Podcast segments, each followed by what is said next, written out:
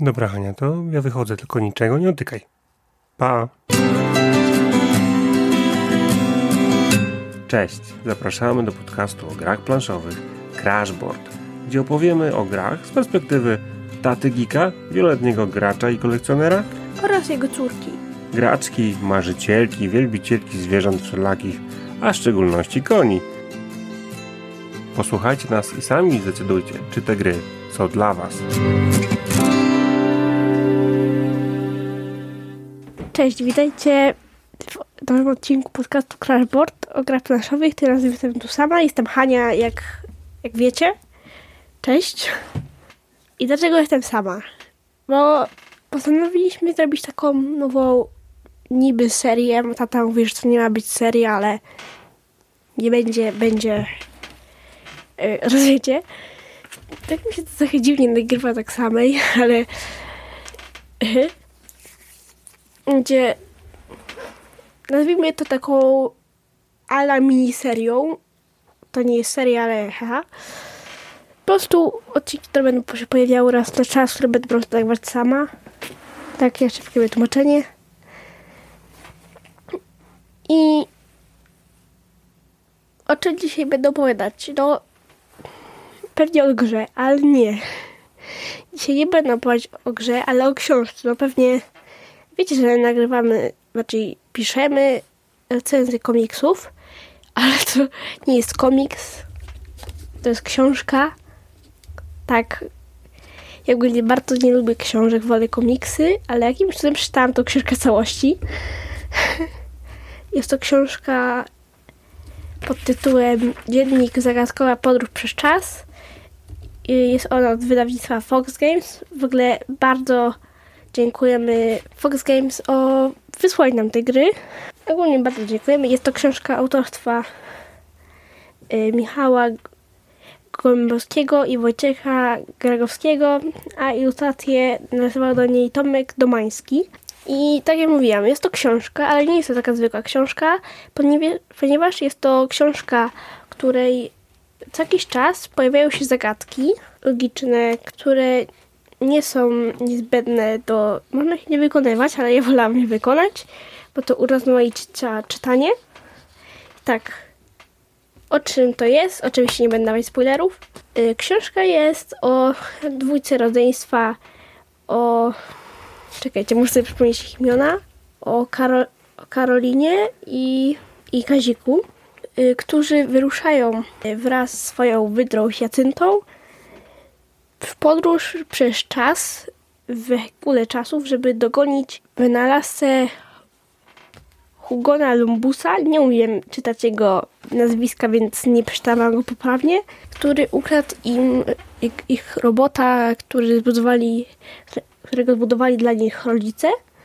Robot nazywa się Zagadroid i właśnie to on daje wszystkie zagadki, które znajdują się w książce. I rodzeństwo y, próbuje odnaleźć robota, tak i to właśnie tak spędzę wakacje i właśnie o tym głównie jest książka i przelatuję właśnie sobie do różnych czasów, do różnych krajów i tak, tak to wygląda. Wydaje się, że to jest książka z zagadkami, ale jest, jest w niej coś takiego niezwykłego, że na końcu książki mamy do wyciśnięcia sobie dekoder, z Bristolu. I to jest taki kawałek właśnie Bristolu z dziurami. Do czego on służy? Do sprawdzania odpowiedzi. Odpowiedzi i podpowiedzi są na końcu i jedną stroną sprawdza się odpowiedzi, a drugą podpowiedzi. I robi się to tak. Przykłada się go do linijki z odpowiedziami. Szuka się odpowiedzi, którą myśli się, że jest, że że jest w tej zagadce, że, które właśnie rozwiązaliśmy, na przykład musimy dodać, co, co na przykład jaka, jaka jest na przykład e, symbol, który musimy wpasować albo tego i tam właśnie zaznaczamy na tych odpowiedziach i przy każdej zagadce są dwa symbole jak takie dwa symbole zaznaczymy, yy, pojawiły nam się poprawne odpowiedzi, wtedy zagadka jest poprawnie rozwiązana. Bardzo prosty system. Tak samo jest z podpowiedziami, tylko że trochę się inaczej przekłada i to się na drugą stronę się przekłada. Yy, się tym numer zagadki i potem yy, dają nam trzy słowa, zda kawałki zdań, które jak połączymy, dadzą nam podpowiedź. Ogólnie mi się strasznie fajnie grało. Ta fabuła jest bardzo fajna. Rysunki też są przyjemne dla oka. Właśnie zagadki są bardzo różnorodne, chociaż głównie są matematyczne. Ale da się, da się przeżyć, nawet jak ktoś nie lubi matematyki. Ja czasami sobie właśnie zerkam do podpowiedzi albo po prostu próbowałam do tego dojść jakoś inaczej. I tak to właśnie wygląda. I może teraz przejdźmy do podsumowania. Mi się gra bardzo podobała. Gra, książka, sorry. Książka, nic więcej nie umiem powiedzieć o tym, jak się grało, ale mi się grało bardzo fajnie. I ogólnie, jak ktoś lubi. Yy, jak ktoś lubi takie, yy, takie właśnie rzeczy, takie książki, takie mega podchwytliwe zagadki, to strasznie polecam.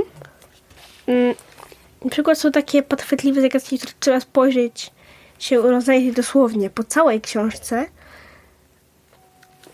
Albo takie, albo zagadki, z których można yy, w w jedne, na jednej stronie są obrazki, które które nawiązują do, na przykład do, do poprzednich zagadek.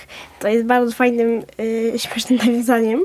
I tak jak mówiłam, gra jest bardzo fajna. Jak miałam ocenić to dwa kciuki w górę i bardzo, bardzo, bardzo godna polecenia. Mm. No taki strasznie krótki odcinek, ale